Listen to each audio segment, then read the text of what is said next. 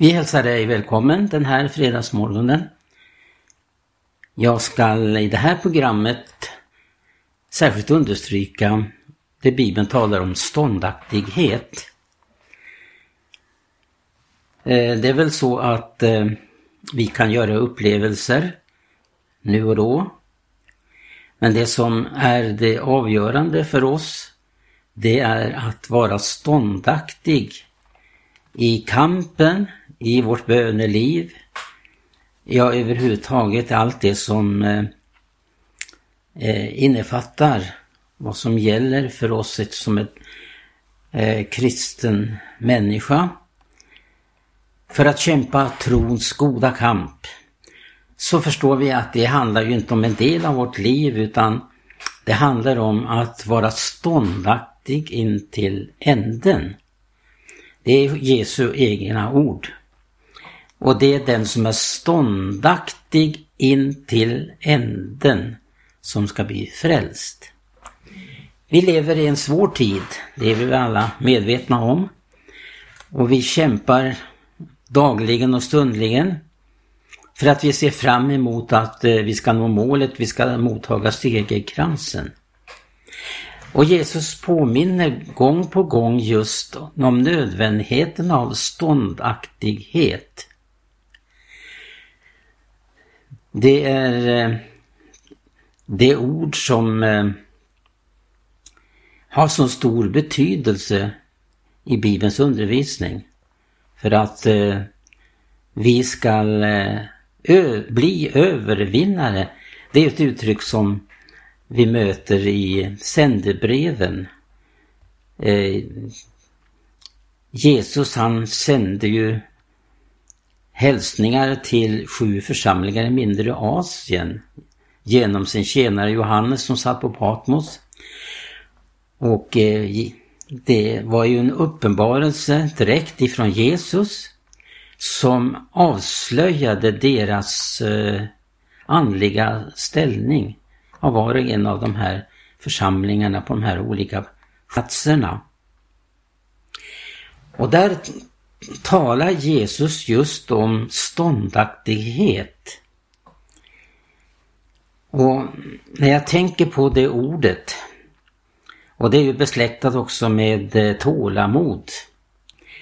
Eh, vårt tålamod prövas stundom, men eh, den stora prövningen är just att vi ska uppleva tålamod och ståndaktighet ända fram till resans slut.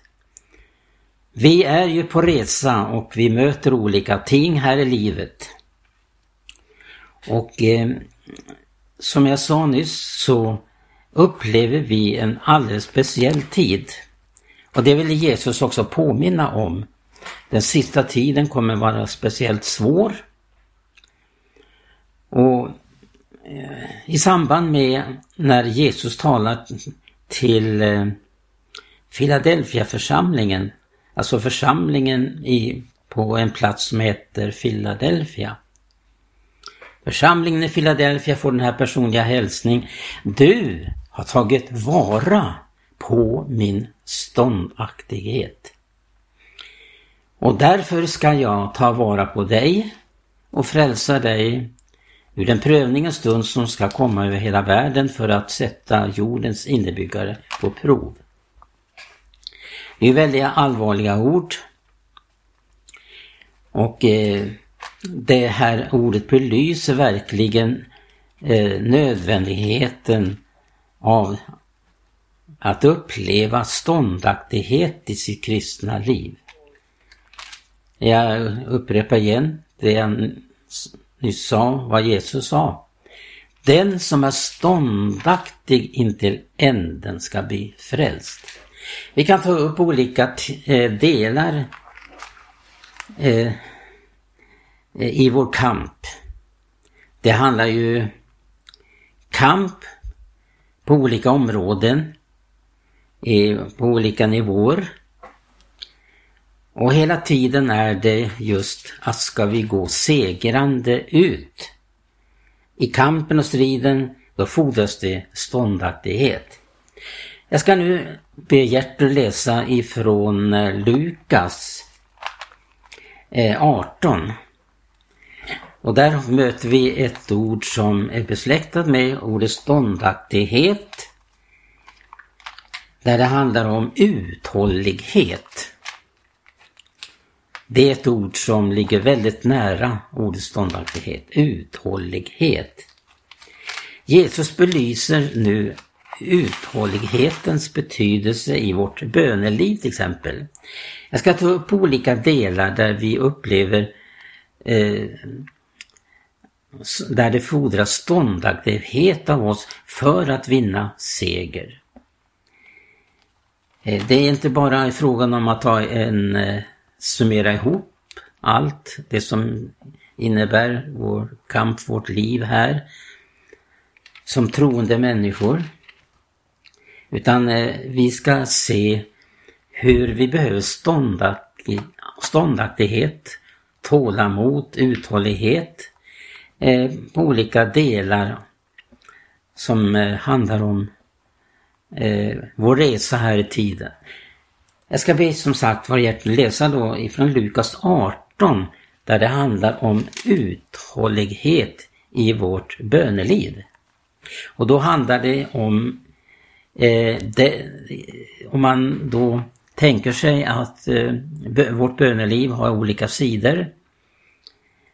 Eh, I det här fallet så handlar det om att eh, vinna seger i ett speciellt eh, område i vårt böneliv där det handlar om att eh, vi som änkan här eh, beder och begär någonting som synes vara helt omöjligt för denna änka. Och Bibeln talar ju om verkligen vad en änkas utsatthet är, hur utlämnad hon är. Och som sagt, läs då från kapitel 18 i Lukas, från första versen till dess Jesus har fullt beskrivet om denna änkas kamp. Mm. Och det är ju ett, en, han tar ju det här som ett exempel, en liknelse just för att på den delen av vårt böneliv kämpa för någonting speciellt. Alltså kvinnan här, änkan, hon inriktar sig på någonting speciellt som hon beder om. Ja, varsågod. Och han framställde för dem en liknelse för att lära dem att de alltid borde bedja utan att förtröttas. Han sade, i en stad fanns en domare som icke fruktade Gud och ej heller hade försyn för någon människa. I samma stad fanns också en änka som åter och åter kom till honom och sade, skaffa mig rätt av min motpart. Till en tid ville han icke, men omsider sade han vid sig själv, det må nu vara att jag icke fruktar Gud, ej heller har försyn för någon människa. Likväl, eftersom denna änka är mig så besvärlig, vill jag ändå skaffa henne rätt, för att hon icke med sina ideliga besök skall alldeles pina ut mig. Och Herren tillade, hör vad den orättfärdige domaren här säger. Skulle då Gud icke skaffa rätt åt sina utvalda som ropar till honom dag och natt och skulle han icke hava tålamod med dem, jag säger er, han ska snart skaffa dem rätt. Men skall väl Människosonen när han kommer finna tro här på jorden? Ja, han, här anspelar ju Jesus just på den sista tiden också. Skall väl Människosonen när han kommer finna tro här på jorden? Jag tänker på vad David Wilkerson sa då han besökte Sverige för det är nu ett antal år sedan.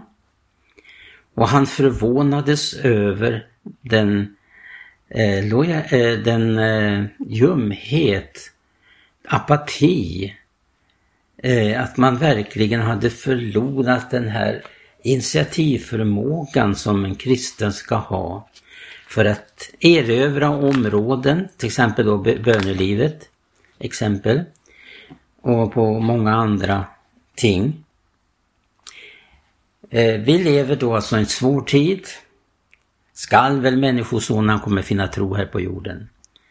Det är en tid där vi verkligen upplever att mycket går oss emot. Men då kommer ju verkligen det här ordet ståndaktighet att eh, få sån betydelse i vår kamp. Men kvinnan hon gav inte upp, eller denna änka som beskrivs här i Lukas eh, evangelium, det 18 kapitlet. Hon gav inte upp. Vi tänker oss det att hon skulle ha gett upp. Kanske ha kämpat ända fram till dess att resultatet låg väldigt nära. Men Jesus ger ju oss den här liknelsen, eller, eller, eller exemplet här eh, om denna änka. Vikten av att vara uthållig. Det var, det, det var genom uthållighet hon fick bönesvar. Har du tänkt på det? Och det är väl så att när vi kommer nära eh, den stund då vi ska vinna seger på ett speciellt område, i en speciell tid, tid, ting som vi ber Gud om, så kan kampen vara det svårare därför att fienden vet att nu är vi nära det resultat som vi kan få om vi är uthålliga. Uthålliga i bönen. Uthålliga i att eh, tacka Gud i alla livets förhållanden. Vi ska se på ett annat bibelord i första Thessalonikerbrevet, det femte kapitlet. I slutet av det kapitlet så talar ju Paulus om just eh, vikten av att vara uthållig i tre ting som är avgörande för vårt kristna liv. Eh, första Thessalonikerbrevet, det femte kapitlet. Där ska vi då titta på eh, vers 16, 17 och 18. Ja, även vers 19. vers 16 till vers 19 kan du läsa mm. i första Thessalonikerbrevet 5. Var, var, var alltid glada. Bedjen oavlåtligen. Tacken Gud i alla livets förhållanden, ty att ni så gör är Guds vilja i Kristus Jesus. Utsläcken icke anden. Ja, det här belyser också en sida av bönen att eh, Ja, kan man alltid vara glad?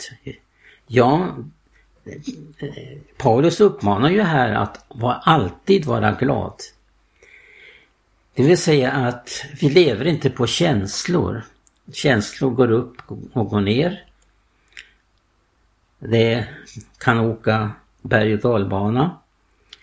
Men det som är oförändligt, det är glädjen i Gud som är som en källa som aldrig sti, sinar. Och här är verkligen frågan om att eh, vara uthållig i det att vi kan fröjda oss i Herren alltid. Ja, i alla livets förhållanden som det står i det upplästa versen. Och bönen var den uthålliga, ja bedjen oavlåtligen. Oavlåtligen, det är väl jämt. Det är ständigt. Det är verkligen frågan om uthållighet. Att uppleva detta ända fram till vi når målet. Och det är nödvändigt för motsats till detta, då utsläcker vi anden. Och lever man i anden, då kan man också prisa Gud alltid. Då kan man tacka Gud i alla livets förhållanden. Man låter sig inte påverkas av ting och man är förlöst ifrån eh, då man kanske har en ekonomi som inte är lagd under Guds inflytande. Då kan det bli problem. Men är det så att allting vilar i Guds hand? Jag bara tar ett exempel. Det kan vara andra ting, andra prövningar som vi inte låter oss eh, besegras utav utan vi tackar Gud verkligen i alla livets förhållanden. Det finns också ett annat ord som verkligen belyser om någonting som vi ska göra ständigt, inte upphöra. Vi ska vara ståndaktiga alltså i det här, i bönelivet, i, i, eh, i att eh, alltid känna att vi låter inte vårt sinne tyngas ner. Utan att eh, vi upplever när anden bor i vårt sinne, då kan vi verkligen uppleva att eh, vårt sinne är inte bedrövad utav eh, eh det, det som tillhör det vanliga människosättet att leva. Vi har seger över detta. Vi bär icke på bekymmer, dem lägger vi fram inför Herren och lämnar dem där och så upplever vi fullständig seger.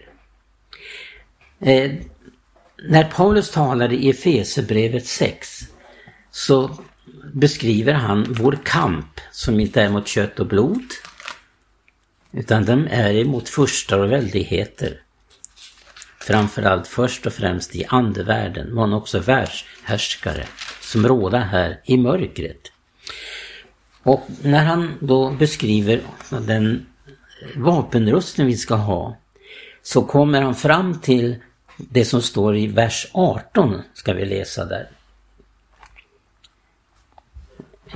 Du kan läsa vers 18 där. Mm.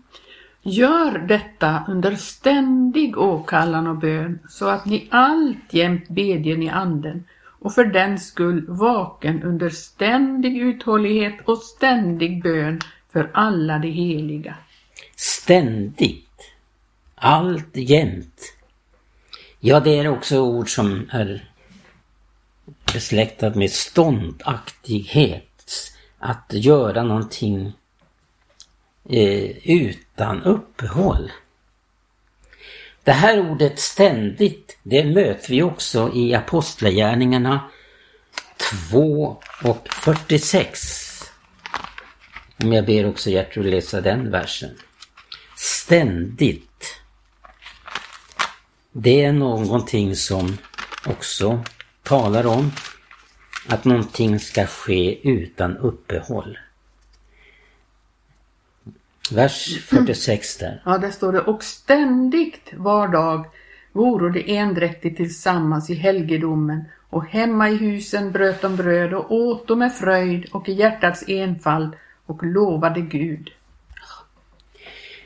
I Hebreerbrevet så ta, skriver författaren där om eh, hur de får det vittnesbördet att de hade kämpat ståndaktigt. Om du läser Hebreerbrevet 10 och vers 32 och så vers 36.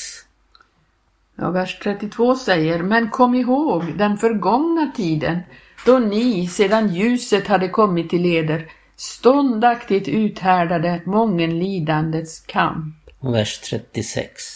Ni behöver nämligen ståndaktighet för att kunna göra Guds vilja och få vad utlovat är.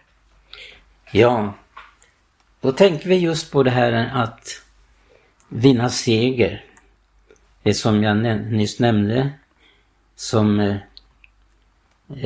Jesus eh, understryker om eh, just att eh, övervinna. Att övervinna någonting som kommer i vår väg. Det kan vara prövningar, förföljelse och svårigheter. Men Gud gör oss till övervinnare genom att vi låter oss uppfyllas av, eh, ja med hjälp av Guds ande att bli ståndaktiga.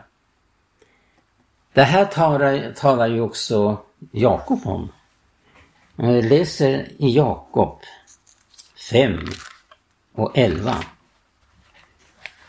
Så eh, påminner ju Jakob just detta om välsignelsen av hur Jobb var ståndaktig. Ja, vers 5 och 11. Vi prisar ju dem saliga som har varit ståndaktiga. Om Jobs ståndaktighet har ni hört och ni har sett vilken utgång Herren beredde, ty Herren är nåderik och barmhärtig. När nu har nämnt om sändebreven så så eh, säger ju Jesus eller meddelar genom Johannes till församlingen i Efesus att eh, de har tagit vara på hans bud om ståndaktighet. Hans bud om ståndaktighet. Och i och med det också så förstår vi att det redan under vår vandring innebär rik välsignelse med detta att uppleva ståndaktighet. Därför så eh, får eh, det här budsk- eh, församlingen mottaga det här budskapet att, eh, och ett löftesord i detta, att vara ståndaktig. På grund av det att de var ståndaktiga så ger Gud dem det här underbara löftet att genom att de var ståndaktiga skall Gud ta hand om dem och eh, hjälpa dem i den prövning som ska komma över hela jorden för att sätta jordens innebyggare på prov. Ja. Vi hinner inte så mycket mer men egentligen så skulle jag också vilja påminna om hur det står i Josua att man var eh, inriktad på att göra vad Gud hade sagt och att ståndaktigheten kommer i av att både hålla och göra vad Gud hade sagt ifrån den sjätte versen. Ni läser det vi hinner. Mm. Eh, 23, vers 6. Men varen ni nu ståndaktiga i att hålla och göra allt vad som är föreskrivet i Mose lagbok, så att icke viken av därifrån, vare sig till höger eller till vänster, och icke träder i gemenskap med dessa folk som ännu är kvar här jämte er, ej heller nämnen deras gudars namn eller svärjen vid dem eller tjänen och tillber dem. Nej, till Herren, eder Gud ska ni hålla er så som ni har gjort ända till denna dag. Ja, ja vi så långt Josua 23. Så vi avslutar då som det som jag redan har vidrört här om att det handlar ju om vår slutfrälsning, detta med ståndaktighet. Att förbliva och göra Guds vilja. Och då kan jag bara citera här, dels ifrån Lukas 21 och Matteus 24. Genom att vara ståndaktiga vinna era själar. Och i Matteus 24, den som är ståndaktig, han skall bliva frälst. Hoppas att den här uppmaningen från Guds ord kan hjälpa dig att verkligen vara uthållig, kämpa, se fram emot en slutfrälsning som väntar den som är stånde. Ja, den som är ståndig, ståndaktig, han ska bliva frälst. Gud välsigne dig och vi hörs igen nästa fredag.